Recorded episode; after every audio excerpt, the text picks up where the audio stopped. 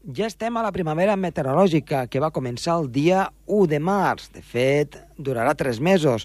Així està estipulat per la Organització Meteorològica Mundial. El fet és que, amb l'arribada de la primavera, ha arribat la inestabilitat i sembla que també, sobretot la setmana vinent, pot arribar el fred. Comença el torb. Doncs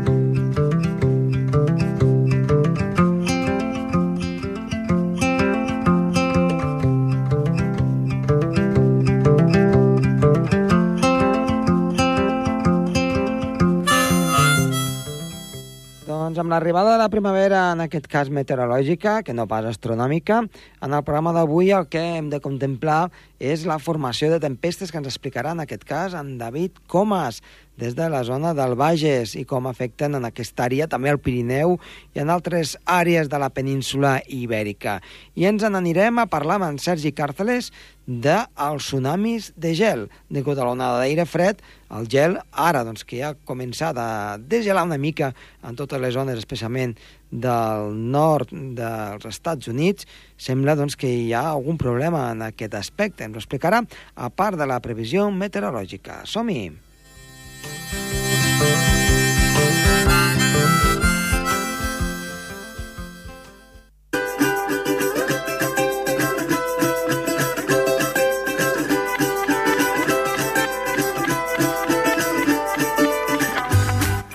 Iniciem el programa avui amb Sergi Càrceles. Sergi, molt bona tarda.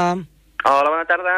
Doncs, eh, a veure, a veure, doncs el mes de març ha començat una mica més eh, alegre en aquest aspecte que el mes de febrer i ja hem tingut les primeres precipitacions i potser la setmana que ve venen algunes nevades, per tant, sembla que per fi, Sergi, deixem enrere l'anticicló. Doncs sí, per fi deixem aquest anticicló que ens ha deixat tants i tants dies de sol i d'estabilitat atmosfèrica i ara ja ens comença a venir una mica més d'inestabilitat i també una baixada de, de les temperatures. Exacte. Ja ho estem començant, ja ho estem començant a, a notar. Anem, a, anem, a, Avui- anem al revés, eh? Anem al revés, eh? De, Sí, de, hem començat la primavera, en aquest cas meteorològica, i, i ens anem cap al fred. sí, sí, hem tingut primer la primavera i ara potser tornem a tenir l'hivern. A bueno, ja, ja sabem com va, com va tot això, no? A vegades el temps, la meteorologia és molt capritxosa i, i ara ens ho han demostrat, més que mai. Molt bé, ho anem seguint, doncs doncs? mira, parlarem sobre avui una temàtica mm. relacionada amb el gel, Sí? però que, eh, bé, eh, parlarem d'un fenomen meteorològic, o un fenomen, sí, diguem fenomen meteorològic, Sí? en el qual ha afectat als Estats Units, i és que allà sí que, te'n recordes que tenien una onada de fred Mhm. molt forta? Sí? Doncs aquesta onada de fred sí que és veritat que ara ja no, no està, però a efecte del degel que està havent últimament amb la pujada de les temperatures, Uh -huh. ara s'ha creat un fenomen que ha afectat en algunes poblacions en els Estats Units i us semblarà una mica estrany, però avui parlarem dels tsunamis de blocs de gel. Tsunamis de blocs de gel, no ho havia sentit mai. doncs mira, el tsunami de bloc de gel, encara que sembli molt catastrofista, perquè clar, nosaltres normalment ens imaginem els tsunamis com una gran massa d'aigua de, de fins a 5, 6, 7, fins i tot 10 metres d'alçada Sí. que afecta a les zones més properes de la costa o zones més properes de, dels llacs i superfícies d'aigua. Uh -huh. Aquests, aquests tsunamis no són tan perillosos per a l'ésser humà perquè van molt lents, Mhm. però sí que és veritat que són bastant destructius. Ja. T'he d'explicar una mica com es formen. Els tsunamis de blocs de gel eh, han d'haver dues condicions. La primera és que primer hagi hagut una onada de fred molt forta que hagi congelat, per exemple, els mars o també els llacs. Mhm. El mar, evidentment, és molt difícil, però els llacs sí que és molt més fàcil de que, de que es, es congelin. Sí. I allà als Estats Units hi ha grans extensions de llacs que la veritat són molt grans, a vegades semblen mars i tot, però com és aigua dolça, doncs es poden congelar, Mhm. sobretot per la part de, de sobre. Sí? Uh, I bé, doncs, aquesta, aquests llacs van estar congelats per aquesta massa d'aire fred que va afectar els Estats Units, Uh -huh. però ara aquests blocs de gel ja s'estan començant a desfer. Ja. Però, clar, abans de desfer-se, primer es van trencant en trossos, trossos més petits, que és el que després, eh, en grans quantitats, diríem icebergs. Evidentment, aquí no estem parlant d'icebergs perquè eh, no són tan grans, però sí que són blocs de, de gel tan grans com, per exemple, una taula, un sofà, sigui, déu nhi eh? No són blocs de gel bastant grandets, que van lliscant per la superfície d'aigua, ara ja sí en forma d'estat líquid. Uh -huh. Uh, què ha passat? Que aquests últims dies, sobretot per Estats Units i Canadà, doncs, uh, uh, han estat afectats diversos llacs d'aquests amb aquests tsunamis a causa de que també ha hagut forts vents. Uh I -huh. quan parlem de forts vents, estan parlant de vents superiors a 100 km per hora. O sigui que, déu-n'hi-do, uh, la ventada que hi ha hagut allà. Clar, aquest vent, uh, igual que fan, per exemple, en el mar, també passen als llacs, i és que aquest vent el que crea és onatge, i crea també doncs, onades en els llacs, que en aquest cas el que ha fet aquest vent és impulsar o empènyer tots aquests blocs de gel cap a la costa. I què passa? Doncs que a l'impactar contra el, el límit eh, terrestre, és a dir, on estan els passejos marítims, etc. Tots aquests blocs de gel s'han vist impulsats i eh, eh, s'han vist eh, empenyats eh, cap a fora Sí. i llavors eh, comencen a menjar-se Uh -huh. tot el passeig marítim, es comencen a menjar les, les cases que hi ha més properes a aquests llacs, etc. Mhm. Com dèiem, no és perillós per l'ésser humà perquè uh, aquesta menjada que fan Sí. uh, és molt lenta i llavors la gent, evidentment, té temps de, de fugir, i etc. Evident, però, clar, uh, estem parlant de grans blocs de gel que tot el que agafen doncs, ho atrapen i també ho destrueixen. Arbres, Mhm. uh, bé, mm, pals de llum, fins i tot alguna casa Clar, també s'ha vist clar, clar. engollida literalment per aquests blocs de gel. Però, bé, és, és un fenomen que es veu molt poc. Ara, últimament, hi ha bastants vídeos que s'estan distribuint, sobretot per Twitter i per les xarxes socials, i és bastant, és bastant curiós veient que aquests blocs de gel, doncs, mica en mica es van menjant doncs, tota aquesta àrea terrestre i, i bé, i que deixen algunes destrosses, però no podem parlar de destrosses humanes. Doncs déu nhi Escolta, ho anirem seguint i a veure com, quina és la seva evolució. Sergi, Molt bé. doncs moltíssimes gràcies i t'esperem la setmana vinent. Molt bé, que vagi bé. Adéu-siau.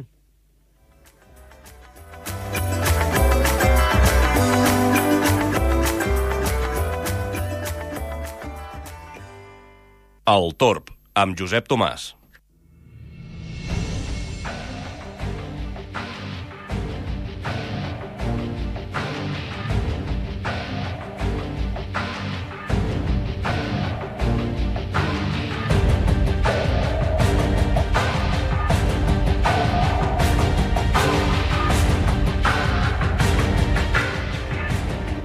Doncs avui eh, anem a parlar, com hem fet d'altres setmanes, amb el nostre company David Comas. David, hola, molt bona tarda. Molt bona tarda, Josep. Com anem? Doncs molt bé. Aquí Bé. Preparats? Per fi, per fi, hi ha hagut ja una mica de canvi meteorològic, eh? Ja el mes de febrer l'hem deixat enrere i el mes de Sí. març, poc o molt, tampoc massa, però sí que ha començat una mica, una mica més de, de moviment meteorològic. Sí, per sort. Ha passat aquest front, eh? Sí. Ha estat uns litres, una mica de neu, també a muntanya. Uh, Déu-n'hi-do, quin, quin començament... Bueno, quin començament no, quin, uh, quin hivern, no?, que portem. Sí, Almenys poc. Aquí al baix és molt sec. Sí, sí, poc, poc, eh, en aquest cas poc, eh, eh, com deies tu, eh, força sec, i Poc sobretot mm, amb temperatures càlides. A veure, a veure com... Sí. De fet, de fet ja hem acabat el, el que és l'hivern meteorològic, ja s'ha acabat, ja estem a la Ja primavera. acabat, La primavera, no? I ara A el 20... veure, el Niño sembla que, Mhm. que està fent estralls. Mm, Sembla ser, no? Mhm. Mm, Va ser molt fort.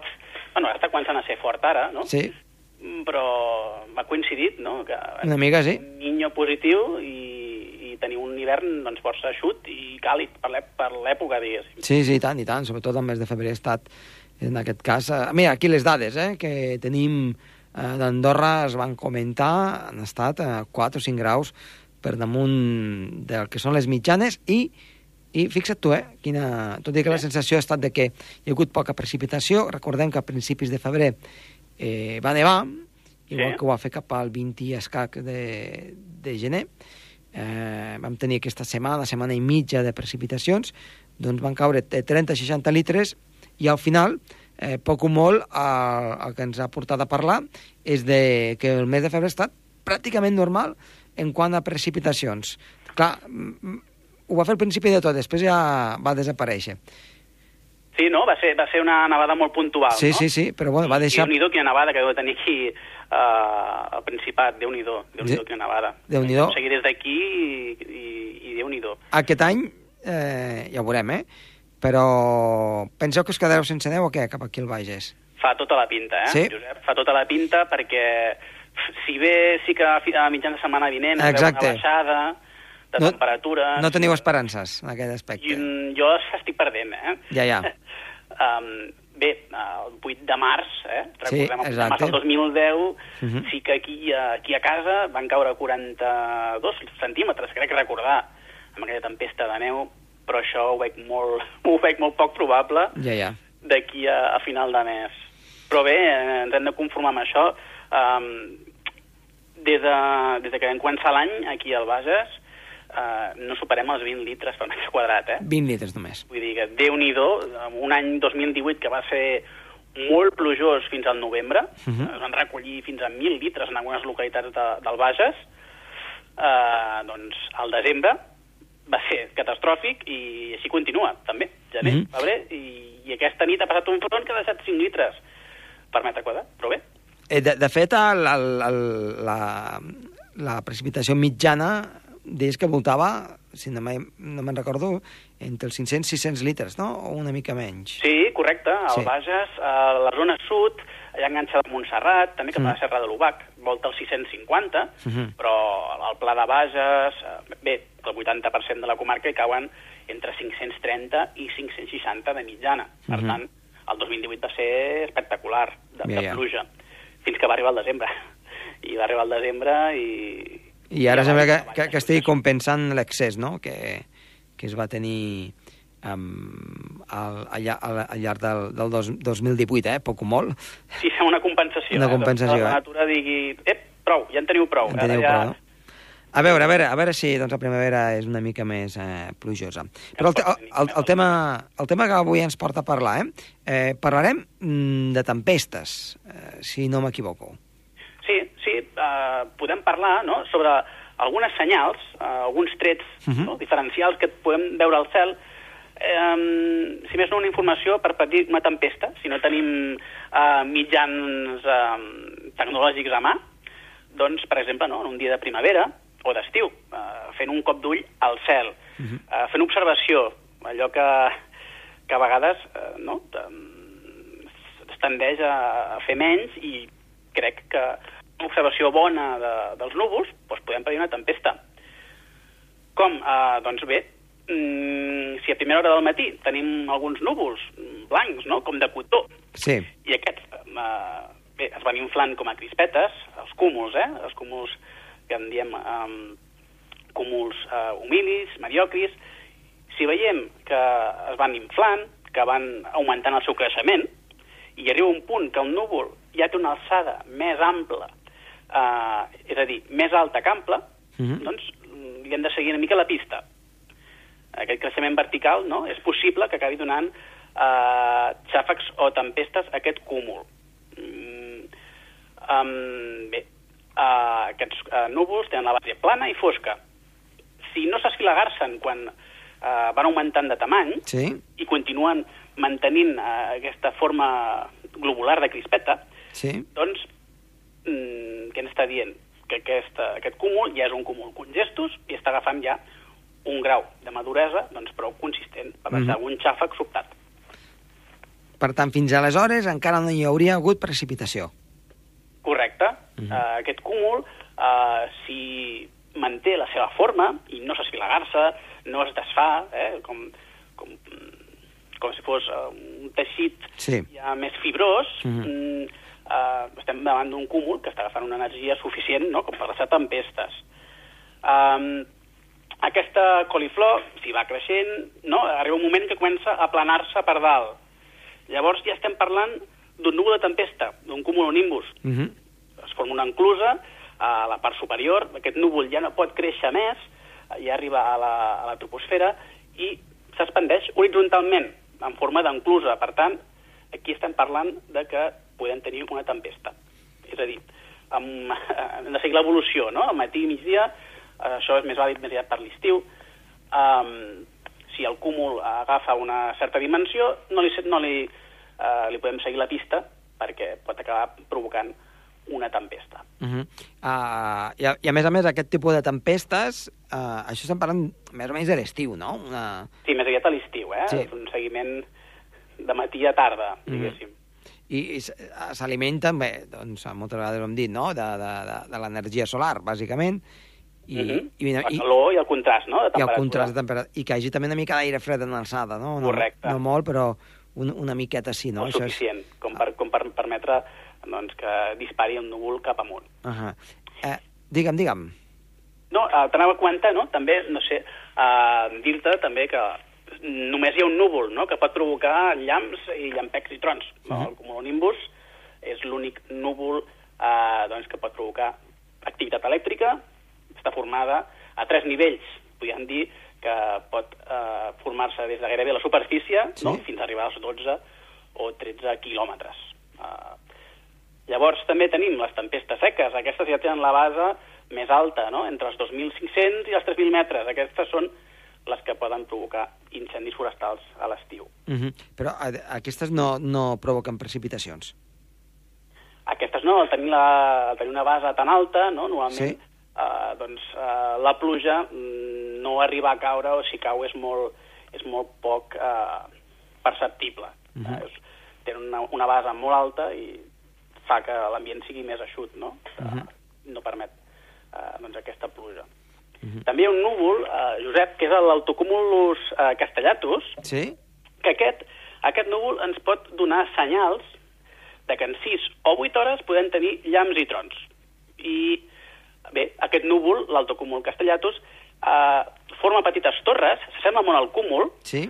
val? però, mm, a diferència del cúmul, eh, aquest eh, és també molt pla per sota, però es formen eh, en línia, en feixos, que travessen el cel. Aquests núvols apareixen generalment a l'estiu i quan surten solen indicar que les tempestes ens poden afectar al cap d'unes hores. Per tant, que, que, que hi ha inestabilitat acusada. Correcte, sí, sí. Fan com unes torres, com uns merlets, Uh -huh. mm, ja estan disposats en feixos al cel, i aquests ja ens donen doncs, mm, petites pistes, no?, de que està entrant aire fred, eh, i el que també eh, permet la seva observació és eh, anticipar bastant la tempesta. Uh -huh. Uh, moltes vegades no, entra fre, aire fred per l'Aragó, per Navarra, Mhm. i, i bé, mm, quan allà s'estan produint ja tempestes, quan avança doncs, un solc, aquí, no, uh, ja sigui a Andorra o a Catalunya, ja podem veure aquests núvols que ens donen doncs, pistes uh, uh, doncs, que en un futur es pot produir uh, una forta tempesta. Però aquí ja m'estàs parlant d'un tipus de tempestes totalment diferent. Hem parlat de la formació d'una tempesta, no?, des de, de, de, de, que es comença a formar al matí fins, fins a aquesta hora de la tarda, i en canvi aquí ja m'estàs parlant de, de, de, de, de sistemes de tempesta convectius i, i, i altres històries que es formen, doncs, a, com bé dius, amb, amb, amb l'entrada d'aire fred, no? Ah, Sí, correcte, sí, sí. A- a- Aquest, aquest núvol més aviat no, vindria lligat a, a un front, no? a un front fred, eh, doncs, que generalment entra, entra des de l'oest Uh -huh. i ens avisa doncs, unes hores abans de que podem tenir eh, soroll, no? Mm. Eh, generalment aquí eh, al Bages també es, se solen veure també eh, cap a l'última hora de la tarda, al vespre. Sí. No? Quan els veiem a aquestes hores del vespre, moltes vegades, no sempre, eh, però generalment eh, a la matinada ens desperten els trons eh, i ens arriben les tempestes des de, des de l'Aragó. Fixa't tu que aquest tipus de tempesta eh, a nosaltres poden, ens afecta, eh? però, però no amb, amb aquesta virulència d'aquesta manera no ens afecta tant com, com, Mhm. com us pot afectar a vosaltres. Um, són una gènesis molt diferent, no?, de les, de, Sí. de les del Pirineu. Són, jo diria, eh, fins i tot, i corregeixa'm si, si tenen una interpretació, fins i tot més eh, bèsties i més virulentes que no pas la típica tempesta d'estiu del Pirineu, eh? Són una mica diferents, sí, sí, perquè eh, generalment aquestes tempestes eh, venen associades també amb fortes ràfegues de vent, Mhm. Eh, a vegades també amb pedra. Sí? Mm, sí, tenen una, una gènesis diferent. I sí que és veritat que aquí a Andorra potser no us afecta No. d'aquesta manera, no? Eh, teniu Ja- més tempestes potser eh, de creixement, és a dir, que Sí. us créixer aquí... A, a veure, per exemple, eh, aquí, la típica pedregada Uh -huh. amb pedra doncs, eh, del tamany que a vegades es veu de- de- d'un puny, Sí, una pilota de, doncs, de tennis o, o de golf, va, Mhm. posem-ho més petit. Poques vegades. Eh, no dic pas que no hagi calamar-se o, o alguna pedregada de Mhm. més d'un centímetre fa malbé molts cultius. Aquí a Andorra sí, cada estiu, eh? Cada estiu hi ha pedregades. Sobretot Mhm. ja a partir del maig, i juny i juliol, eh? I fins, sí. Podem arribar fins al setembre. És típic, no?, de que quan hi hagi una tempesta, en alçada sigui en forma de, de, de, de pedra. Suposo, que Mhm. també, doncs, eh, condicionat pel fred. Però la típica pedregada que, que a vegades es veu en zones com ara Pons, o per exemple a, a, a Mhm. vosaltres, eh, costa molt. És, Cotrinxa tot, eh? Aquelles Cotri- pedregades que són... Sí, sí, trencavidres de cotxes i, Sí. i, i taulats, eh, no, és difícil de veure, és Mhm. difícil de veure.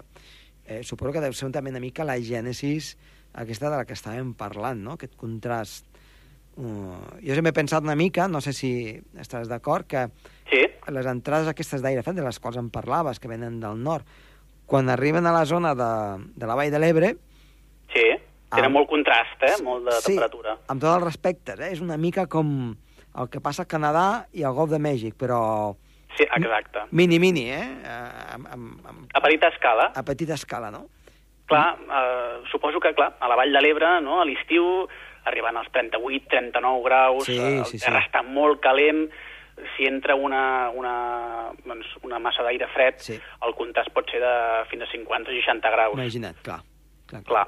I A muntanya, no, no, no, tin, Fa no tenim fred, aquest, clar. aquest contrast tan, tan animal, Uh -huh. i potser és per això, no? Eh, Potser aquí és una de la clau, eh? eh que el contrast Segurament, de temperatura sí, sí, no, és, tant. no, és tan, no és tan evident. És molt gran, però no seria tan evident. Però sí que... Aquí- Digues, digues. Sí, no, perdona, no. Uh, M'ha comentar que aquí al Bages tenim una zona especialment uh, uh, doncs, que cau molta pedra, que és la zona del, del, del Pla de Bages, però la, la banda és cap a Artés. Uh, Artés també té unes temperatures molt altes a l'estiu, es freguen els 40 graus molts dies, i Artés també és famós per les seves pedregades. També hi ha molta vinya i a Artés eh, la pedra és molt temuda. Uh, ben a prop de Manresa i de Sant Padó, però, però bé, a Artés hi sol pedregar més, potser per, no, per aquesta situació on està, està en un pla, uh -huh. a, a més baixa alçada, Sí? i també fa, hi fa molta calor. També les corrents ascendents i descendents doncs, deuen ser més grans cap a la zona. Uh, aquí hem tingut també pedregades realment importants. No és, mm, no és molt habitual tenir pedregades del tamany d'una pilota de golf, però sí que n'hem anat tenint. Cap Artés és una zona realment uh, castigada, eh? quan hi ha tempestes. Doncs David, eh, moltíssimes gràcies avui per doncs, aquesta xerrada que hem tingut eh, sobre les tempestes, intentant doncs, eh, estudiar-les una mica més, comprendre-les una mica més. Ja no hem parlat de com del que passa al seu interior, amb les corrents ascendents i descendents, que això potser seria un altre tema a parlar eh, de molt llarg, perquè són, Sí, són sí, força sí. complicades, però el que sí volem és que t'emplacem per una propera vegada, perquè estiguis aquí amb nosaltres. Perfecte, Josep, moltes gràcies. Bé, moltes gràcies a tu. Adéu-siau. Adéu, bona tarda.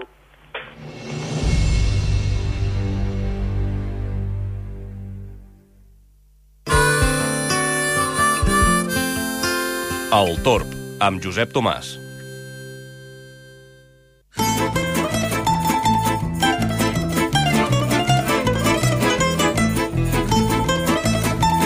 Doncs bé, anem a veure quina és la previsió del temps per aquest cap de setmana. Un petit front entre dijous i divendres ens creua poca cosa, però sí dona alguna nevadeta cap als 1.400 metres, mm, únicament cap a l'extrem nord. I després eh, la situació meteorològica, especialment dissabte, és de temperatures que van a l'alça, per tant, una situació força estable, però això sí, amb algun que altre núvol. No acabaria de fer net cap a l'extrem nord. Alguna altra eh, nuvolada, però sense conseqüències. I diumenge, a poc a poc, les temperatures aniran a la baixa. S'acostarà un front, però que al llarg de diumenge no ens afectaria. Potser a última hora del dia sí que els núvols sent una mica més compactes i sí que diumenge, com diem, les temperatures han de davallar respecte a les de dissabte. Per tant, un cap de setmana, en general, força tranquil, amb núvols, per tant, no de sol, però sí, eh, en aquest cas, de poca o nula precipitació, a l'espera que la setmana que ve hi hagin canvis, especialment a partir de dimarts, amb l'arribada d'un front actiu que podria donar nevades a cotes més baixes i, per tant, renovar una mica la capa de neu de gran part del Pirineu.